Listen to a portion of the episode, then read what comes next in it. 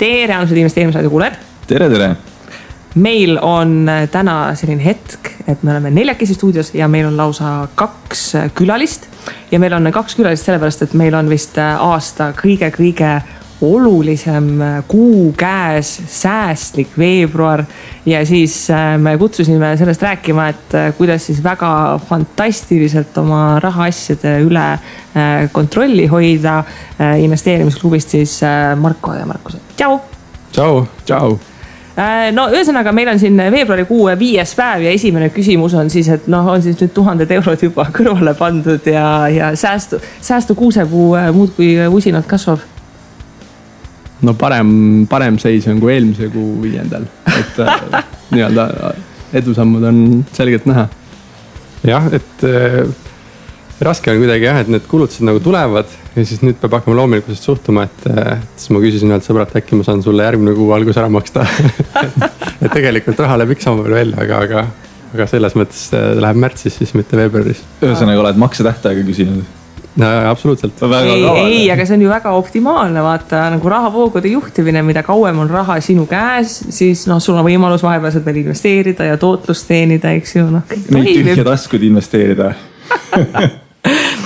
aga no ühesõnaga võib-olla soojenduseks, et ähm, kes ei ole veel kuulanud ähm,, siis Marko ja Markus on tubli ja on hakanud podcast induses meie konkurentideks. Ehk siis investeerimisklubi alt teevad ägedat podcast'i ja Äh, nad küll ei ole nii tublid kui meie, nad iga nädal ei tee, teevad üle kahe nädala, aga lootust veel on. Äh, et kes ei ole veel äh, jõudnud kuulama, siis tasub ruttu-ruttu kodulehele SoundCloudi ja, ja igale poole mujale joosta. kas see, et te kord kahe nädala jooksul teete, tähendabki seda, et te hoiate juba sealt ka kokku või? et kui frugaalne veebruar on, siis et pole mõtet ka saateid välja panna nii tihti või?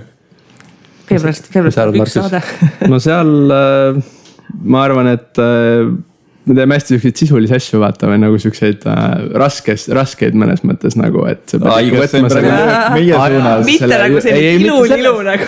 selles mõttes, aga sa pead siukse no ikka tõsiselt nagu mõtlema, mõttega kaasas käima sihuke tund aega ja siis noh, selle ettevalmistamine võtab ka nagu ressurssi. et kui tuleb, no meil ei ole ikka niimoodi, et Liivamägi tuleb saatesse ja hakkab siin ennatlikke indikaatoreid nagu seina peal nagu analüüsima, eks ju, et meil igaüks peab oma kujutlusvõimet ise kasutama, et äh, meie nagu videopilti ses suhtes ei ole veel jõudnud vaata, et äh, ma täiesti mõistan, et see on hoopis teine ettevalmistamise tase ei, mis asja, ma keerasin praegu käised üles ja nüüd hakkame kohe väga spetsiifiliselt rääkima, kuidas siis täpselt need sendid kokku hoida veebruaris, mida siis märtsis kulutada saaks.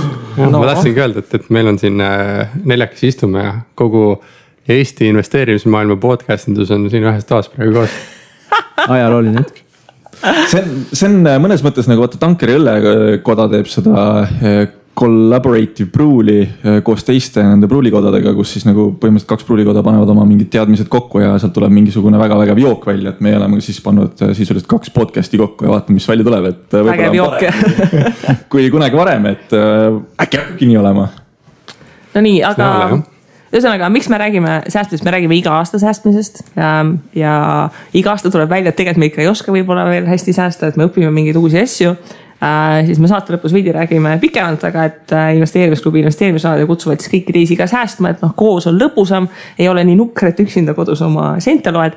Ähm, ja siis me mõtlesimegi, et täna räägiks võib-olla natukene praktilised näiteid, et kuidas ja, ja mida me teeme ja võib-olla natukene laialt nagu seal laiemalt selle mõtlemise koha pealt, mis säästmise ümber käib, aga et.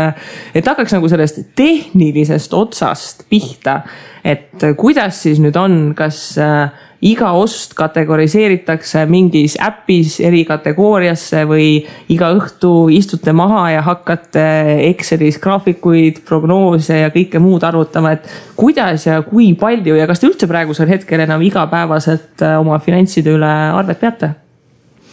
mina isiklikult tegelikult täiesti teen seda. iga päev? iga päev või no ütleme, kui mitte iga päev, siis üle päeva. Okay.. aga noh, selles mõttes, et äh, ma enda puhul olen tuvastanud, et kui sa seda pikemal perioodil ei tee, siis läheb lappama ära, tulevad mingid siuksed emotsiooni asjad sisse ja siis sa vaatad, et noh, mingi kulugrupi budget'ist äh, sa oled juba, ma ei tea, poole kuuga nagu enamik hakkama pannud. kuigi võib-olla see ei peaks nii olema. Et äh, ma kasutan selleks äh, iseenda ehitatud Excelit ja siis ma kõrvutan nii-öelda eesmärki või noh, ütleme, mis ma nagu kuu alguses olen pannud, palju mul mingis kulugrupis võiks nagu minna see kuu. ja siis, siis tolle hetkeseisuga siis, et mis palju see reaalselt läinud. aga, aga mis siis juhtub, kui nagu nii noh, punasesse läheb et eh, siis on moratoorium, et see kuu rohkem raha ei kuluta, et ülejäänud on kiirnuudil ainult. ei, niimoodi päris ei ole, aga noh, see on päeva lõpuks ju enesele nagu valetamine või enesele sihuke jalga tulistamine, et kui sa oled nagu endaga kokkuleppe teinud, et sa pead sellest kinni, siis sa pead sellest kinni, et mm. -hmm no Marko, sinu puhul nagu, äh, kes on jälginud sinu, ma ei tea, mitusada päeva järjest hommikul jooksmas käisid, siis ilmselt nagu me ei, me ei pea kahtlema selles, et sul on nagu see distsipliin olemas, et asju teha. et kuidas siis rahaasjadega on, et kas paned ka nagu kirja või ongi, et äh, viissada päeva järjest iga hommikul kannad midagi säästukontole ja ongi tehtud? Selles mõttes ei pea pettuma jah, et, et ma olen oma kuludele-tuludele silma peal hoidnud alates äh, kaks tuhat kolmteist aastast alates. ja, ja mul on igakuiselt kõik kuud eh, sellest ajast peale üles märgitud, mis teeb siis üle viie aasta. ja, ja ma märgin üles iganädalaselt, et ma võtan korra nädalas selle aja ja siis vaatan, võtan kõrvale siis selle panga väljavõtte. siis võtan teisele poole, võtan oma Exceli tabeli ja siis kannan iga kulu, kannan teatud kategooriaga siis sinna Exceli tabelisse. Ma ei tee seda otseselt selles mõttes, et, et ma pedantselt nagu jälgin, kui palju ma kulutan Äh, ja ma, mul ei ole nagu nii täpset eelarvet, et, et kui mul nüüd üks kulukategooria läheb punasesse, siis ma see kuu enam seda, selle peale raha ei raiska. aga ma, mulle esiteks äh, noh, meeldib see tegevus, et ma tean, kuidas mul rahaasjadel läheb, kui palju mul võib-olla äh, see kuu juba kulunud on ja teiseks mulle väga meeldib see ajalooline vaade tagasi. Et ma olen hästi mitu korda vaadanud aasta lõpus või, või mingitel perioodidel tagasi, kui palju ma siis kuude lõikes, kuidas need Äh, vahekorrad on muutunud ja, ja sellest ma olen äh, väga palju saanud enda, enda kohta nagu õppida. et näiteks, mis kuudel on nagu rohkem emotsionaalseid oste ja, ja, ja, ja kui mingitel perioodidel oli, oli võib-olla raskem periood on ju, kas siis kulus rohkem või vähem raha ja sa hakkad nagu neid mustreid nägema. ja ajapikku see õpetab päris palju enda kohta ma saan aru, et sa vaatad iga aasta alguses või siis aasta lõpus, sõltub, et kuidas sa seda eesmärgindlust endale sead, kõik asjad üle. Oletame, et sul on mingisugune palgatõus olnud, et kuidas sa siis äh, selle nüüd oma kuludesse ümber arvestad sinna, et kas sa siis tõstad kõiki kulukategooriaid võrdselt, kas sa prioritiseerid midagi üle? Või kui sa nüüd võrdled aastaga näiteks kaks tuhat kolmteist, kaks tuhat neliteist, kui sa hakkasid sellega pihta, et mis on siis sinu selles äh, kulumaastikul nagu muutunud, et kas mingi asja osakaal on nagu väga palju tõusnud ja teise asja osakaal nagu langenud või on see ikkagi samasugune ühesugune konstantne joon? et ma eelarvet nii väga ei sea, et ma nagu ei pane kuu alguses ette, kui palju ma võin iga kategooria peale kulutada kuigi ma näen kogu aeg oma jooksva eelmise aasta keskmist äh, kuist kulu selle kategooria kohta, nii et ma saan näha, et kas see kuu ma kulutasin äh, rohkem, näiteks kas auto peale kulus rohkem kütuse ja muude asjade peale kui eelmine kuu või mitte või eelmise aasta jooksul. et, äh, et kokkuvõttes see on nagu väga hea indikaator, kui sul on nagu näed kasvõi viimase kaheteist kuu keskmist. Ja, ja ma muidugi märgin üles nagu sissetulekuid ja väljaminekuid nagu eraldi. Ehk et seda näed ka, et kui palju sa oled siis viie aasta jooksul arenenud, kui palju on sinu sissetulek tõusnud. Ja sinna ma märgin üles nii palgatulu kui muud kategooriad ja ettevõtlustulu ka. ja see on väga hea indikaator sellest, et kuidas sul viie aastaga nagu e-, eneseareng läinud on. See on kusjuures väga hea, sest et mina näen, et hästi palju inimesi, nad teevadki eelarvet nii, et nad panevad ainult kulutused ja siis ausalt öeldes on nagu hullult masendav seda dokumenti vaadata, et nagu ainult kõik see raha läheb kogu aeg välja. aga kui sa sinna reaalselt sissetuleku juurde paned, siis nagu teoorias aastate jooksul see rida, kus on see pikaajaline sääst või investeeringutesse mindud raha, eks ju, et see peaks muudkui ilusamaks ja suuremaks minema, et lähebki vaatad, et ohoh, et vaatad, kui palju ma see kuu reaalselt nagu ära investeeritud sain aga tead selle säästmisega, ma ei tea, kas te olete tähele pannud, aga ka näiteks äh, finantsvabaduse grupis on viimasel ajal päris mitme teema juures on äh, läinud ka natukene lappama. Ähm, ja hästi palju või noh, keegi ütles, et äh, see on märk sellest, et reaalselt meil on buum majanduses.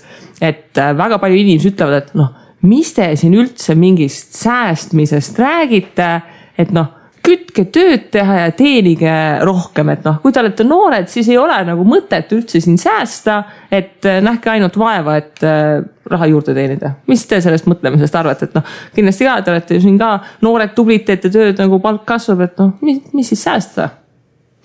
ma küsiks selle peale vastu, et nagu mida me nimetame selleks säästmiseks et äh, noh, kas säästmine on siis see, et me sööme kiirnuudleid iga päev ja püüame nii madalalt läbi saada kui võimalik. või säästmine on see, et me oleme lihtsalt mõistlikud oma asjades, et äh, noh, nagu me siin arutanud oleme, siis see ei ole ka ju tegelikult okei okay,, kui sul tulevad väga suured summad absoluutväärtuses sisse ja need sama suurelt lähevad ka kõik välja ja see noh, vahe on sul null seal, eks ole. et, et ma arvan, et nagu see on juba väga okei okay,, kui sa lihtsalt oled mõistlik ja nii-öelda tarbid selles ulatuses, mis on sulle nagu mõistlik, et sa nagu ei pinguta üle asjadega, et see on, see on nagu minu arvamus. aga kui su sissetulek on nagu väga kõrge ja sa saad kõike seda elu endale lubada, siis äh, miks üldse selles mõttes säästa, tõenäoliselt sa teenid ju sedasamat head sissetulekut äh,. noh, ma ei taha öelda, et elu lõpuni, aga väga kaua veel mm. -hmm. Äh, nagu poleks nagu põhjust säästa aga mis see garanteerib sulle, et sa teenid seda väga kaua? ilus, tark ja osav. noh, et äh, ma ei tea, noh, see säästmine võib-olla võiks sihukese isikliku nagu äh, mina arvan, et seal iga inimene peaks nagu mõnes mõttes miks'i paika panema enda jaoks, et miks ta nagu teeb seda, et. et minule näiteks on säästmine puhtalt kindlustunde nagu tekitamine või see investeerimine nii-öelda selles mõttes, et. et mul ei ole mingit eesmärki saada miljonäriks aga lihtsalt, et ma soovin, et mul kunagi oleks äh, teatav puhver, et ma nagu ei pea sõltuma ühest rahalisest allikast, ütleme kümne aasta pärast näiteks mm.. Margo investeerimisklubis ju ka inimesed äh, usinasti olid julgustatud oma sääste kirja panema, et andsite lausa auhinda, et kes mitme protsendi klubis oli, et äh, kes oli see algne arhitekt seal, et nüüd säästmine, et see on, see on see mida me auhindame. Või kuidas te nagu tõmbasite reaalselt sajad inimesed nagu hasardiga kaasa, et hakkame nüüd kirja panema, et mis protsendi klubis ma reaalselt olen vot eh, tollel ajal olid ajad, kui see säästmine oli populaarne veel on ju oh vanasti, kes see seda oh, enam mäletab. omal ajal, et tegelikult ma olen alati ise ka nagu säästmist eh, noh, ausas hoidnud, et ma ei vaata küll sellele viltu peale ja ma arvan, et asju ei jõua me keegi maailmast ära osta, neid asju on nii palju, et ükstapuha palju me palka saame, siis neid kulutada jõuad rohkem. et tuleb ikkagi mingi mõistlik piir saada endale ette, et eh, mis asju mul vaja on, mis mind õnnelikuks teevad ja mis mul tagavad ära selle. Sellised baasvajadused ja rahulolutunde ja ülejäänu osas siis vaadata, kas seda osta või mitte, sest kui me nagu kõik hakkame valimatult ostma, siis eh, ma ei usu, et see nagu õnnelikuks ka teeb, et eh, aga see klubi koha pealt, sajad inimesed säästsid ja igakuiselt andsime auhindu ja tegelikult oli äge, et kokkuvõttes, mis selle tulemusena juhtus? inimeste portfellid kasvasid, sest nad säästsid rohkem, panid rohkem raha portfelli, nende enesekindlus kasvas. ja täna on vähemalt äh, kolm-neli inimest neist sellised, kes kirjutavad blogisid ja, ja, ja on nii-öelda esimese taseme finantsvabadust saavutanud, kes on teistele eeskujuks, on ju. et kui mina küll sellest midagi halba ei näe, et on tekkinud uued eeskujud ja, ja need, nendel inimestel läheb hästi täna aga see säästumäära eh, tagaajamine, mulle vähemalt tundub, anna mulle andeks nüüd, aga mulle tundub, et eh, võib-olla võeti liiga suure tööna nagu ette, et kas need inimesed, kes on saavutanud oma esimese taseme vabaduse, kas nad oskavadki üldse kunagi nautida nüüd seda, et nad on aastast aastasse ajavad seda protsenti kokku, võib-olla võiks viis protsendipunkti madalama tasemega leppida ja elada natuke paremat elu aga nad ikkagi pingutavad, pingutavad, pingutavad ja noh, kui sa aastast aastasse seda teed, siis ühel hetkel, kui sul raha nii palju on, et sa ei oska sellega midagi teha, siis ikkagi see käsi ei tõuse neid kulutusi tegema, et kas seal seda ohtu ei ole? vot teiste inimeste eest on nagu keeruline vastata, et kindlasti inimesed teevad seda sellepärast, neile nagu meeldib ka ja ajas me areneme, et ma tegin isegi kolm-neli aastat tagasi tahtsin säästumäära nagu aina tõsta ja sellepärast ma hakkasingi seda eelarvetabelit tegema, mida ma olen jaganud hästi paljude inimestega ja, sellepärast ma investeerimisklubis selle, selle võiduajamise nagu alguses käima paningi ja olen seda nagu push inud eh, mingis mõttes. ja täna ma nagu enam nii väga ise noh, ma ei pane kaheksakümmend protsenti kõrvale ja, ja muude asjade arvelt on ju, et need on muud asjad olulised, aga ma arvan, et see kõik on protsess, et need inimesed, kellega me tegime seda Äh, sel hetkel oli see vajalik, neile meeldis ja ma arvan, et nad oskavad täna ise otsustada, et mis neile meeldib, kui neile siiamaani meeldib, siis las teevad edasi ja kui ei meeldi, siis ärgu tehku ja. et, äh, et teiste inimeste eest ei saa ka neid otsuseid ära teha, ma arvan. Mm aga noh, kui räägime nüüd sellest distsipliinist ja arvepidamisest, et, äh, et kuidas nagu on, et äh, mingi hulk inimesi, kellega mina kokku puutun, ütlevad, nad juba nagu lapsest saadik enam-vähem siis, kui nad hakkasid nelja-aastaselt saama taskuraha, siis panid osa sellest kõrvale ja säästsid. ja mingi hulk inimesi on alati need mingid, ah mis iganes nagu noh, ülikoolis olid nagu peod ja nagu noh, kuu lõpus olidki nagu kiirnuudid. aga no siis üks hetk käis nagu klõps ära, et ma nüüd nagu õpin õppisin säästma, et noh, et kumba kategooriasse siis teie lähete, et kas nagu sellised sündinud säästjad või noh, tegelikult tuli nagu natukene tööd ka teha ja, ja päris ei olnud sellist äh, suurepärast nagu harjumust ja oskust kohe olemas. Äh, minu poole pealt ma arvan, et mul on hästi palju kodust seda lähenemist tegelikult kaasa tulnud, et noh, loomulikult oli neid perioode ka, kus ma olin, sain kaheksateist, just vaatan, et mul esimesed sõbrad ostavad autod, eks ole, endale, siis mõtlen, et no oleks ka lahe, eks ole. Äh, kuigi noh, tegelikult täna ma mõtlen selle peale neli, neli aastat hiljem siis, et suht nagu mõttetu ja jama idee oli, eks ole. et äh, aga jah, ma arvan, et äh, mingisugused alged on nagu kindlasti vanemad saavad sellesse panustada minu, minu näitel ja ma arvan, et ise saab ka selles suunas nagu veel olulisemalt ennast nagu suunata ja teadlikuid valikuid teha et ja ma ütleks seda, et oleneb, kellel on vaja lugu rääkida, et, et mul on mõlemaid näiteid, et ma lapsepõlves äh, müüsin jäätist ja tegin igast väikseid ettevõtlikkuse asju, et kui mul on vaja ettevõttes, ettevõtlikkuse kohta rääkida, siis ma räägin alati, et ma olin äh, juba kaheksandas, kaheksa aastaselt müüsin jäätist ja, ja teises klassis müüsin oma mingeid vanu asju teistele maha õnneloosi näol ja igast muid asju, on ju. ja samas, kui on vaja rääkida, et et kui, kuidas sa siis kulutad raha, siis äh, ma alustasin aktiivselt investeerimisega seal kakskümmend pluss, äh, kakskümmend peale.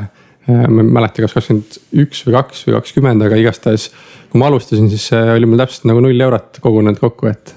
et see, et ma kaheksa aastaselt nätsu müüsin teistele, et, et siis tegelikult mul kahekümne aastane. selleks ajaks ära kulunud. jah, et ma olin, tegin küll neid asju, aga samas teisest pidi ma ilmselt kulutasin ära ka kuidagi, et, et teadlikult hakkas see asi pihta ikkagi kahekümnendast eluaastast ja sealt peale ja Kristi, kuidas sul oli oh,? mina nüüd küll nelja-aastaselt raha kõrvale ei pannud.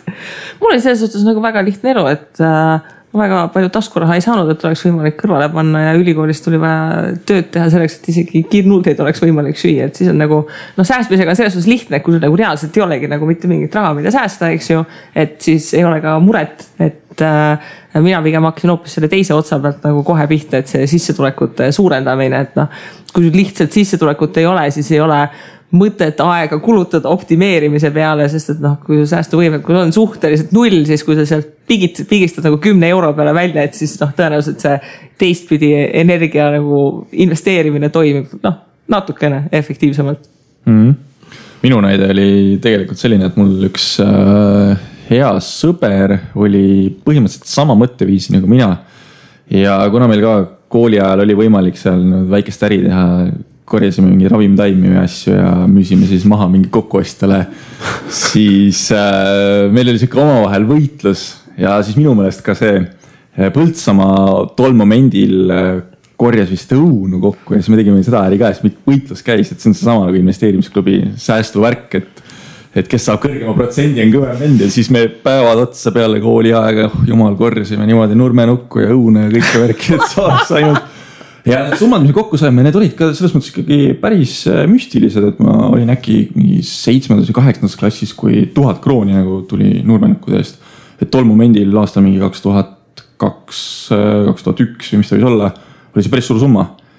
ja siis ma mäletan seda, kui me kogusime suurema summa kokku, tegime siin juhu otsas ja siis äh, ostsime jalgrattad mõlemad, tema kõigepealt ja mina järgi ja. ja siis mõtlesime, et noh, sai nautida oma seda vilja ja mõtlesime, et nüüd on nagu kõik, aga ei. motivatsioon läks veel suuremaks, täitsa hull. ja tegelikult selle najal ma siis äh, suutsin ka ülikoolist läbi minna ilma õppelaenuta lihtsalt puhtalt seetõttu, et. käisid nulenukke korjamas ei, aga ma käisin, äh, tegin äh, suveti, tegin tööd, korjasin kõik need rahad kokku, mis vähegi sai, elasin väga tagasihoidlikult ja Äh, ma isegi vist tegin siukse triki, et äh, ma ei läinud nagu kohe otse ülikooli, vaid läksin sõjaväkke, siis kuna sõjaväes sai ka nagu väga, väga väikest summat, siis äh, need kõik sai kõrvale pandud, kuniks see summa oli nii piisavalt suur, et iga iga suvi ka ülikooli ajal sai veel töötatud omakorda ja sellest rahast nagu piisas, et ei ole mingit õppelaenu pidanud võtma, et selles mõttes great success minu jaoks algas teie jaoks väga naljakalt, minu jaoks väga ettevõtlikult ja. ei, ma arvan, ma arvan, et äh, ravimitaimede müümine ülikooli ajal, et õppelaenu maksta on väga. ei, ei okay., ma olin siis seitsmeaastane. või mis seitsme aasta, seitsmendas klassis käisin, see oli põhikooli ajal ja selle eest ma ostsin nagu jalgratta. aga ülikooli ajal ma käisin ikkagi nagu päris tööd tegemas, sõitsin traktoriga ja möllu. et äh, ei, siis ma ära korjanud kui, kui ma võib-olla rääkisin valesti, siis andke. ei, ei, sa rääkisid õigesti, me lihtsalt mokime natuke selle. oi, te olete julmad, oi, te olete julmad, ma ei suhtle enam teiega ähm, aga noh, selle säästmise koha pealt, noh, inimesed kogu aeg räägivad, et noh säästa tuleb, et selleks juhuks, kui midagi läheb kehvasti, et sul peab olema selline meelerahufond ja mis iganes, et äh, kuidas siis on, et on teil elus ka midagi sellist dramaatilist äh, juhtunud, mille peale on see tunne olnud, et no vot, kui nüüd ei oleks seda hinge, ma kuulsin Swedbanki seal kogumispäeviku grupis on hingerahufond, mitte meelerahufond, et see on nagu selline ekstra zen, eks ju. et kas on teil elus mingi selline juhtum olnud, mille peale olnud, et noh, et jess, et noh, et kui nüüd ei oleks seda säästu olnud, et noh, siis oleks ikka totaalselt jama majas olnud. et mulle võib-olla nagu selliseid ei ole, et, et mu terve elu ripub hinge paela otsas ja, ja ma ei saa seda ära maksta, et kuskilt see raha ikka oleks saanud, et mm -hmm. lähedast alati saad küsida, keegi saab kanda.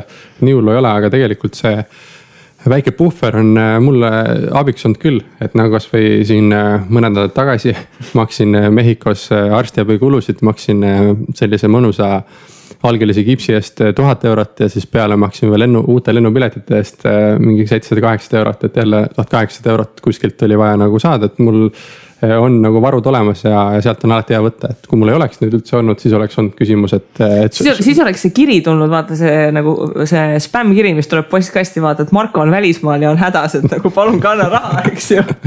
jah, et siis oleks pidanud hakkama leiutama, on ju, et, et kindlustus kindlasti maksab sulle ette mingit raha. kui noh, aga noh sel hetkel, kui sul on jalg katki ja sa pead sinna arsti juurde minema ära maksma, et, et kas sa hakkad siis äh, kaks päeva veel jamama seal midagi. ja, ja neid on teisigi olnud, et auto on katki läinud ja on tulnud kiirelt äh, kuskil seitsesada eurot maksta, et, et, et mingi ju, suur jupp ära vahetada. ja, ja ma arvan, et see häda või olukorrafond või, või see hingerahu, hingerahufond, et, et see on nagu selle jaoks omal kohal ma nõustun ka selle mõttega, et mul õnneks sülitan nüüd kolm korda üle ei ole sihukest olukorda olnud, nagu Markol on olnud aga eks mingisuguseid väiksemaid asju, ootamatusi on kindlasti tulnud äh, klattida ja see on juba tegelikult hea tunne kui sa tead, et kui sul midagi juhtub, siis sa ei pea seda minema kuskilt äh, lähedastelt sõpradelt veel hullem mingisuguse kiirlaenuga nagu lappima, et äh, igal juhul soovitatav. oota, meil jäi ennem see asi pooleli, et kas sa siis ostsid omale auto või ei ostnud? ei ostnud autot. No, siis ei ole seda autokulud ka ju. õnneks isa pani mõistuse pähe õigel ajal no nii, aga, aga veidi säästmisest äh, eemale lükkud, et äh, Marko kirjutas natukene aega tagasi, äh, kes ei ole siis taaskord lugenud, siis Marko kirjutab Mediumis ka aeg-ajalt selliseid sügavaid filosoofilisi postitusi. kes tahab sellist eksistentsiaalset kriisi noores vanuses põdeda, siis Marko kirjutas sellest, et kui mitu nädalavahetust surmani alles on. et igaüks võib minna lugeda ja siis mõelda, et oh, ma olen terve oma elu valesti elanud aga Margo võttis oma sellise kogemuse investeerimismaastikkusega kokku ja kirjutas, kuidas see pealkiri oli, seitseteist, seitseteist kevadest. äh, finantsharjumust eh, oma või seitseteist, seitseteist harjumust oma finantsilise tervise tugevdamiseks. jah, ja eh, mina lugedes eh, seda natukene vaatasin, et mis need kõige olulisemad punktid on. Ehm, ja mulle nagu hästi jäi silma see suhteliselt tuntud ütlus, mida sina ka rõhutasid, et ära kaota kunagi raha et äh, no kindlasti nagu raadiokuulajad nüüd põnevil kuulavad, nagu kõrv läks kohe kikki, et investeerimisraadios nüüd hakatakse rääkima sellest, et kuidas siis mitte kunagi raha kaotada, et see on ju igal investoril äh, väga väärtuslik äh, oskus, mida omada. See on väga lihtne, ketiga rahakott taskusse või siis pangakaart soki sisse, eks ju, Marko? jah, täpselt, et see põhimõte ongi. No säästmisega läheb see selles mõttes kokku, et kui me oleme säästnud raha oma palgatööst suure vaevaga ja, ja palju higi valanud sinna, siis äh, seda raha ära kaotada on valus.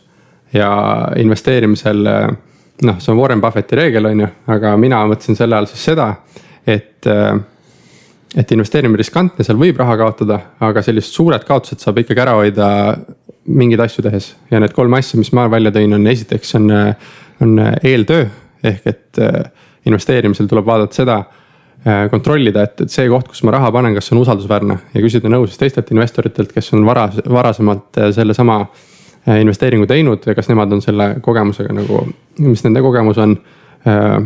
ja kas see portaal, kus me investeerime, on nagu usaldusväärne see on nagu esimene, see on esimene koht, kus võib nagu raha kaotada. oota, aga toome siin välja näiteks Madoffi püramiidskeemi, Bonsi skeemi, kus ta seal ka nagu miljardites raha kokku suutis endale kühveldada, et äh, kui asjad on hästi, siis kõik ütlevad, et asjad on hästi, et kus me teame, et Mintos hommepäev kokku ei kuku.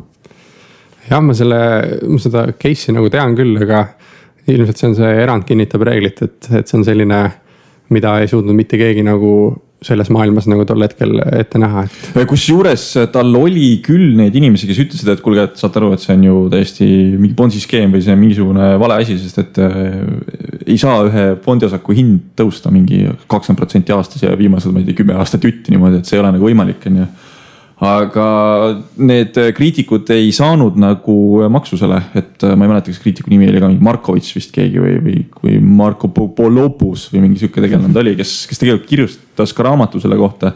aga see on teema, mille kohta ma olen ka nagu alati mõelnud, et kuidas me teame, et üks või teine ühisrahastusportaal on nagu okei okay.. eriti kui sa vaatad, mis täna Baltikumis toimub. Lätist tuleb portaale niimoodi, et äh, püha Jeesus, mul, meil siin kamba peal ei ole ka nii palju näppe kokku, kui sealt vist neid portaale tuleb milline siis see hea on. ja teine küsimus on tegelikult ka ju see, et äh, see portaal võib hea olla, aga kui ta ei saa seda kriitilist massi endale taha. sa võid ju sõbrale öelda, et jah, ma tean, et inimesed on vägevad inimesed, aga nad ei suuda sellest lävendist üle saada, et see asi nagu toimima hakkaks, et siis ta on ikkagi tegelikult ju kokkuvõttes halb ja see... ma arvan täpselt samamoodi nagu sa kokku võtsid, et te olete ise ka päris palju saateid selle kohta teinud, kasvõi vaatasite siin paari portaali viimase poole aasta jooksul, et, et kas siis sinna investeerida, ma arvan, et need ongi head äh, kokkuvõtted, mida kuulata ja kokkuvõttes need on head mõtted, mida mõelda, enne kui sa hakkad siis investeerima.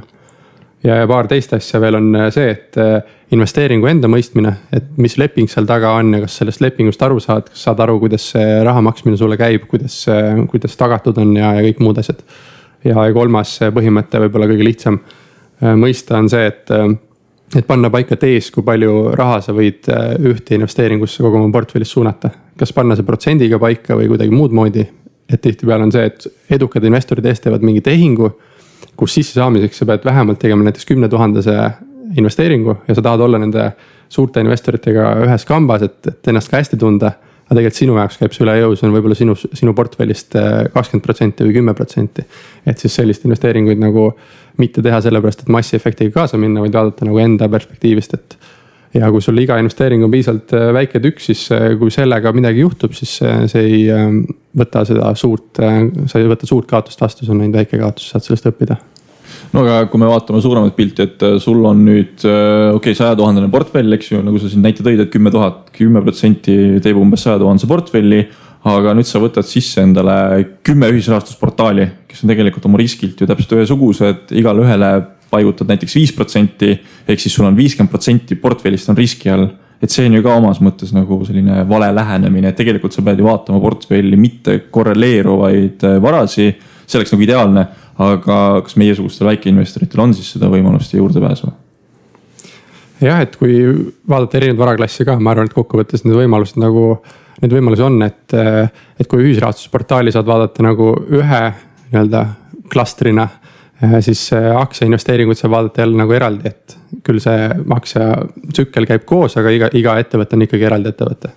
Markus, kui sina hakkasid nagu investeerima, siis äh, kuidas sa üldse seda motivatsiooni said või kes, kes sind esimesena nagu juhendas, et vot see on nüüd hea investeering ja sinna võiksid panna ja mis hetkel sa siis nagu laiali läksid või kui sa oled üldse laiali läinud erinevatesse klassidesse mm? -hmm. ma tegelikult põhi, lõviosas toimetan täna ühisrahastuses äh,. aga ma siukse äh, esimese kiki ja positiivses mõttes võib-olla saingi tegelikult ülikoolist.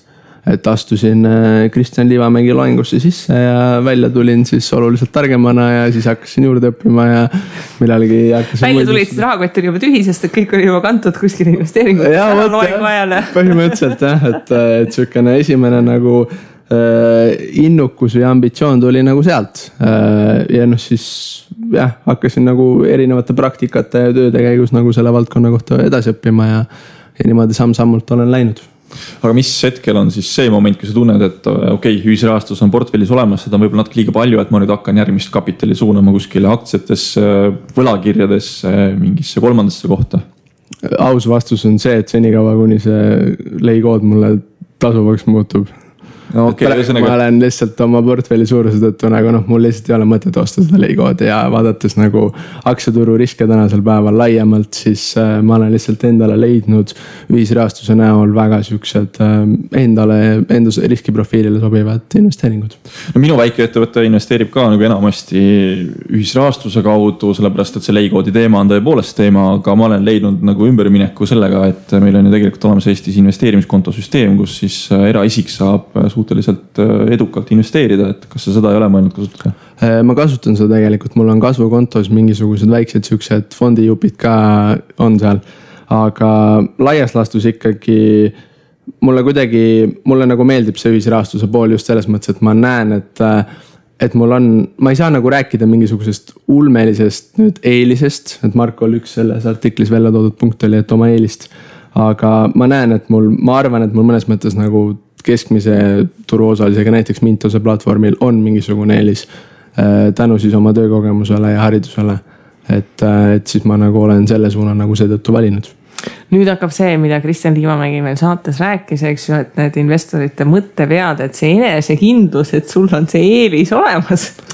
Oled sa mõõtnud, on ta sul ka äh, päriselt olemas? ei no selles mõttes, kuidas sa mõõdad seda, noh, ma pidasin võib-olla selles mõttes äh, silmas seda, et äh, õnneks või kahjuks ma nagu näen, olen nagu kokku puutunud investoritega kes noh, väga ei saa nagu rahanduse põhikontseptsioonidest aru või raha ja väärtusest või intressidest või sellistest asjadest, et noh.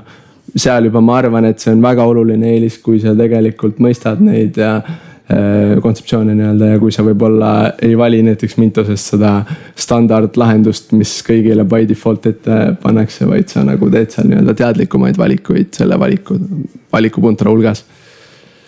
et, et see blogi postituses see sama, et ära kaota raha on nagu et ma ikka kirjutan neid mõtteid mingis mõttes sellega ka, et saada tagasisidet nagu teiste käest, et mida teised arvavad ja kas minu enda mõtted on õiged või mitte, et, et siis võib-olla küsimus nagu teile ka, et, et kuidas teie selle teema enda jaoks lahti mõtestasite?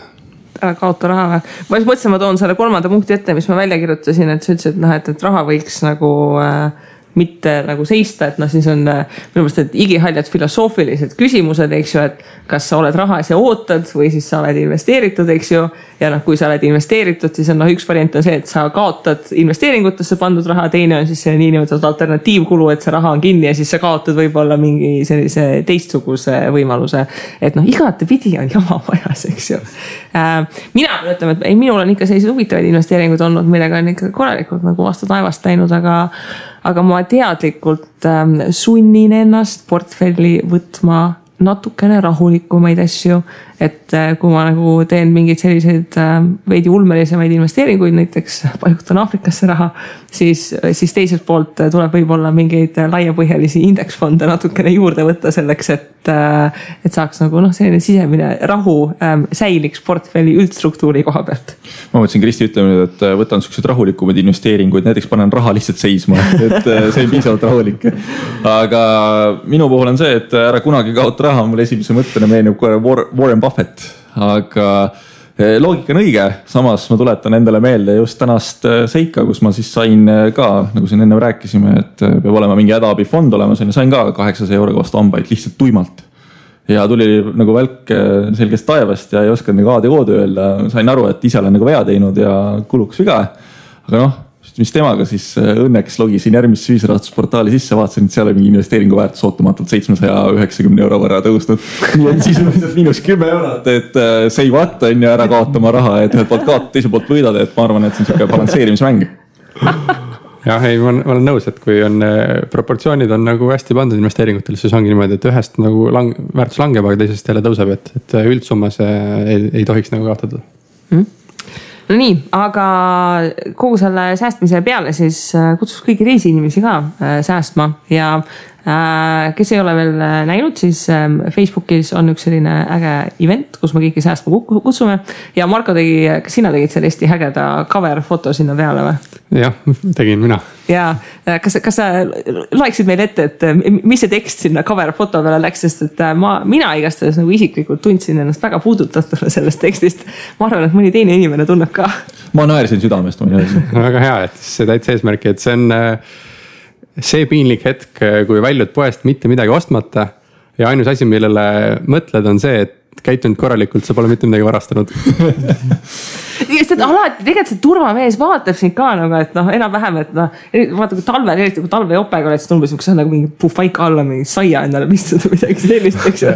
et poes peaks olema eraldi vahe, kus võivad need inimesed välja minna, kes ei ole midagi ostnud, sest kui sa kassa vahel lähed, lähed läbi ja paned oma korvi ära ja midagi ei osta, siis on niimoodi, et no tulge turvaruumi, palun ja ei, see nagu nii hästi kõnetas mind ka ja selles mõttes on ta nagu väga-väga loogiline, et äh, mulle tundub, et see säästmise teema on samamoodi, et sa pead äh, vaatama ühtele teisele poole, et äh, need inimesed, kes sind ümbritsevad, et kas nemad saavad aru, kui sa hakkad rääkima, et ma olen nüüd frugaalse või siis kokkuhoidliku veebruari challenge'i vastu võtnud ja hakkan kuidagimoodi raha kõrvale panema, et täpselt samasugune pilk võib siis saata sind nende sõprade poolt.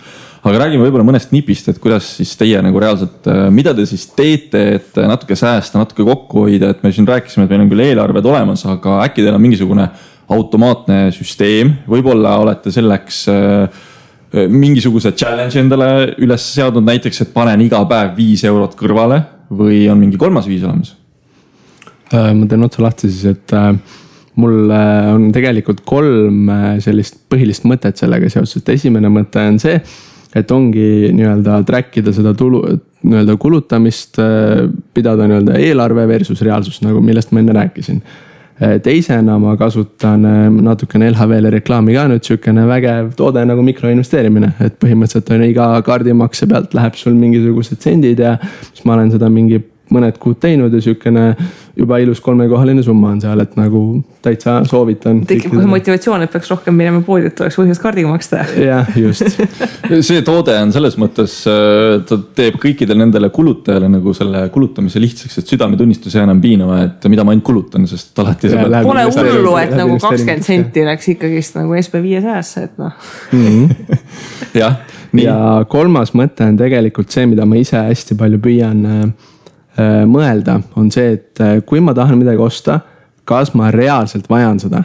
et äh, ma olen nagu näinud enda põhjal, olen oma tüdruksõbra põhjal näinud tuttavate põhjal, et noh, tegelikult sa ostad, eks ole, mingisuguse ajendi najal, on ju, ja siis sa teed selle ostu ära, ma ei tea, riietest näiteks rääkides, on ju sa ostad ja siis kahe päeva pärast sul on see nagu esimene vaimustus üle läinud, see võib-olla asi ei meeldigi sulle, et ma näiteks selliste suuremahuliste ostude puhul. ma olen endale alati võtnud sihukese reegli, et äh, kui ma näen midagi, ma kohe tahan seda. ma võtan endale nelikümmend kaheksa tundi mõtteaega ja kui ma veel neljakümne kaheksa tunni pärast ka seda tahan, siis see asi nagu, siis võib seda osta ma nüüd räägin oma loo ära, te kindlasti naerate kohe selle peale, aga vaata täpselt sellesama jutu najal mul oli ka sihuke soov, et tead ostaks endale Xbox'i on ju et äh, ma ei ole nagu mänginud mingi kümme aastat arvutiga, aga vanasti. Taavi, sul on kaks last, mis mõttes sul on aega nüüd, kuula nüüd, kuula nüüd. ja ma mõtlesin, et ostaks omale Xbox'i, et, äh, et teeks mingit pulli, et pole nagu enda peale nagu raisanud selles mõttes midagi nagu viimasel ajal, et täpselt mul on kaks last on ju, kes tahavad kõiki asju saada. ja siis äh, vaatasin ühtepidi, vaatasin teistpidi, et ostaks ja joostaks, ostaks ja joostaks, siis avastasin selle, et Youtube'is on tegelikult kõik mängud olemas, kus inimesed nagu mängivad läbi, siis ma vaatasin mingisugune pool päeva lihtsalt, kuidas inimesed mängivad mänge ja siis otsustasin, et ah, okei okay,, mulle piisab, rohkem ei ole vaja ja väga hea tööriist oli, kuidas nagu ennast nagu sellest asjast nagu eemale saada, et sellised äh, mitte standardsed, tavapärased mõtted tegelikult töötavad, et äh, nagu sa ütlesid, et nelikümmend kaheksa tundi nagu jahutad ennast maha, on ju, mina lihtsalt nagu alternatiivselt proovisin nagu aru saada, et kuidas teised teevad või mida nad teevad ja mulle tundus nagu üliraske, aga väga põnev oli vaadata ja sinna ta jäi, on ju, et mul need ideed on nagu peast nüüd kadunud. Marko, mis on sinu kõige suurem salanipp? Äh, ma olen siin mitu aastat sedasama asja praktiseerinud ja igasuguseid kõiki erinevaid variante ära proovinud, äh, alustades äh, tõesti kapis olevate asjade söömisest niimoodi, et kuu lõpuks on nagu kapid on kõik tühjad, sest kõik. hiired on välja kolinud jah? tatrapakid on ka ära söödud, on ju, et seda ma tegin siin mõned aastad tagasi. aga ähm, üks hea viis on minna jaanuaris pikale reisile et siis reisi lõpuks on selline tunne, kus me käisime seitsmekesi reisil ja, ja viis inimest reisilt ütlesid, et et selle reisi lõpuks äh, on rahakott nii, nii tühjaks saanud, et järgmine kuu peab ainult äh, paari peale siis kolmesaja euroga söögi peale hakkama saama et, et pandi sellised. aga kulutad kõik raha ette ära, siis on hullult hea pärast säästa, et pole rohkem raha. ja lihtsalt Aa. nagu nii halb tunne on, et, et, et pärast. see eeldab seda, et sul ei ole olemas mingisugust äh, hingerahufondi, et äh, sealt on alati väga lihtne näpistamas käia. ei no kes see hinge, no kes see toidu jaoks. no teed, võib-olla sealt tuleb lihtsalt see välja, et, et kui sa teed kokkuleppe mingite sõpradega, et meil on nagu siis viis inimest vähemalt, kes tegid sellise nagu kokkuleppe, et, et veebruarikuus toidu ja sellistele Äh, meelelahutusasjadele nagu rohkem kui paari peale ei kuluta rohkem kui äh, kolmsada eurot. et siis sul on viis inimest, kes siis äh, hoiavad üksteist nii-öelda accountable või. et on piinlik, kui järgmine ja. kord näed ja siis tegelikult oled raha nagu laiaks löönud Ma,. Marko, kuule, lähme pärast poest läbi, ma ostan sulle saia absoluutselt, oleks vaja küll ühte kiirtee ja, ja teiseks, mis me eelmine aasta tegime, seda ma mäletan hästi, meil oli investeerimisklubi mingi kokkusaamine kuskil pubis, mingi pubiõhtu selline. kõik tellisid kraanivett? ja siis ei, kõik sõid seal aga mina võtsin sellest jubedalt osa ja siis ma enne läksin spetsiaalselt koju. sõin kõhu täis ja läksin sinna, siis küsiti, mida te soovite ega teil kraanivett ei ole? ütles, et ei, meil on ainult tasuline. aga siis ma, mul on hästi, ma ei võta midagi kõik sõid seal, rääkisid ja siis ma istusin äh, nii kaua kõht tühjaks läks, läksin koju tagasi, teist päeva välja. et sellist, sellist nalja on ka tehtud ja, ja ma ütlen, et äh, asi on otsuse taga, noh, et kui väga tahad, saab säästa igalt poolt, aga tuleb ise vaadata, kuidas endale sobib. okei ühesõnaga äh, äh, säästliku veebruari raames ei pea minema pubisse ja siis mitte kraanivett tellima, võib ka nagu rahulikumalt võtta võtta. aga et nüüd raadiokuulajad, kes kuulavad ja kellel nüüd nagu tekkis nagu hull inspiratsioon meid kuulates, et uh, ma siiamaani pole säästnud, aga noh nüüd ma mõistsin, miks see on vajalik, et äh, kust ja kuidas nad äh, saaksid meil äh, selle säästliku veebruari väljakutsega ühineda? see väljakutse on siis selle ürituse näol üle olemas Facebookis mm. nii investeerimisklubi ürituse all kui ka investeerimisraadio ürituse all nii et mõlemast kohast leiab selle ülesse, saab panna sinna, et osalen või going ja siis meil on tehtud ühine selline jälgimistabel, kus saab panna siis, kui palju su säästuprotsent oli jaanuaris ja kui suur eesmärk on siis veebruaris säästuprotsendiga, siis lõpuks saab veebruari lõpus saab panna, kui palju on see tegelik sääst siis olnud ja, ja sinna on juba oma viisteist inimest oma nimed kirja pannud, et. et kõik teie, kes, ma ei tea, kas Kristi Tauri ja Markus, te olete juba ennast sinna kirja pannud, et siis võite ka panna Äh, ja siis jälgime ja siis kuu lõpus äh, anname parimatele mõned auhinnad ka ära ja, ja siis vahepeal anname halba nõu, nagu näiteks Marko kirjutab, et, et kui, kui on vaja minna välja sööma, eks ju, et äh, siis kui tasuta kraanivett ei saa, siis ei telli midagi ja. siis käi kodus söömas vahepeal ja tule tagasi. ma võin head nõu ka anda. kodus tuleb süüa ära see, vaata, mis seal kapis juba ootab, need tatrapakid, eks ju. jah, ma võin head nõu ka anda, et kui tõesti kõht väga, väga tühjaks läheb, siis Tauri lubas kiirdesaia ikka tuua poest Eesti Pagar saab nüüd kõvasti siis reklaami jah, tõepoolest ja ma kujutan ette, et homme on poest täis. Äh, mul on nüüd kaks saia et saatke mulle vot, aga meie omalt poolt siis äh, soovime teile rõõmsat säästlikku veebruari ja, ja hoolimata sellest, et, et raha saab alati juurde teenida, siis tasub vahest ikkagi ka mõelda, et noh, mis sa tast ikka teenid, kui ta niisama ära kulub, et, et korra aastas veidikene mõtiskleda ja ja kui ise on nagu nukker säästa, siis võibki tulla kasvõi sinna event'i alla ja siis äh, saab äh, lugeda, mida ja kuidas meie seal teeme ja kuidas teised oma nippe jagavad, et siis on seltsis äh, segasem ja veidike nukram, kui ise üksinda kodus säästa.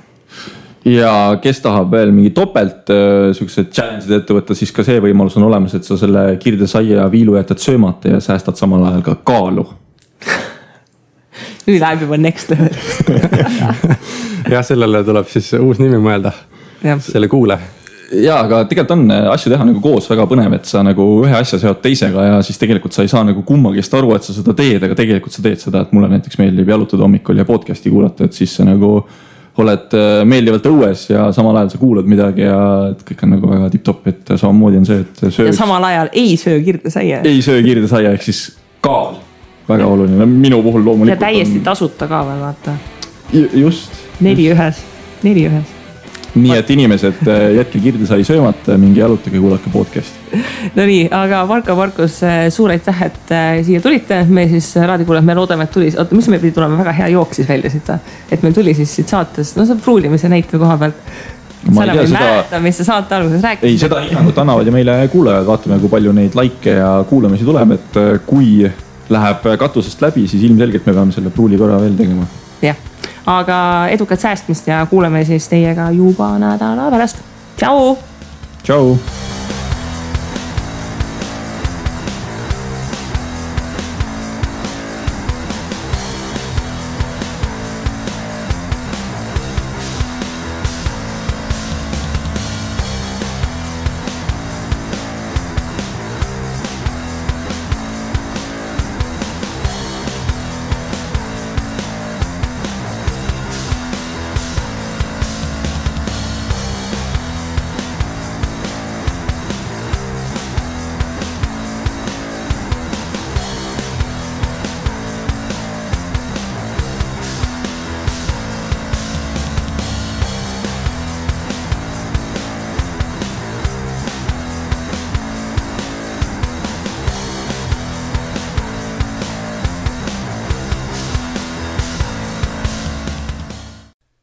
Investeerimisraadios kuuldud tuleb käsitleda kui meelelahutusväärtusega informatsiooni. me ei jaga investeerimisega maksunu ning kuigi püüame edasi anda võimalikult täpset teavet, siis igasugune investeerimisrisk jääb investori enda kanda. ükski investeerimisraadios nimetatud tehing ei kätke endast soovitust antud vara osta või müüa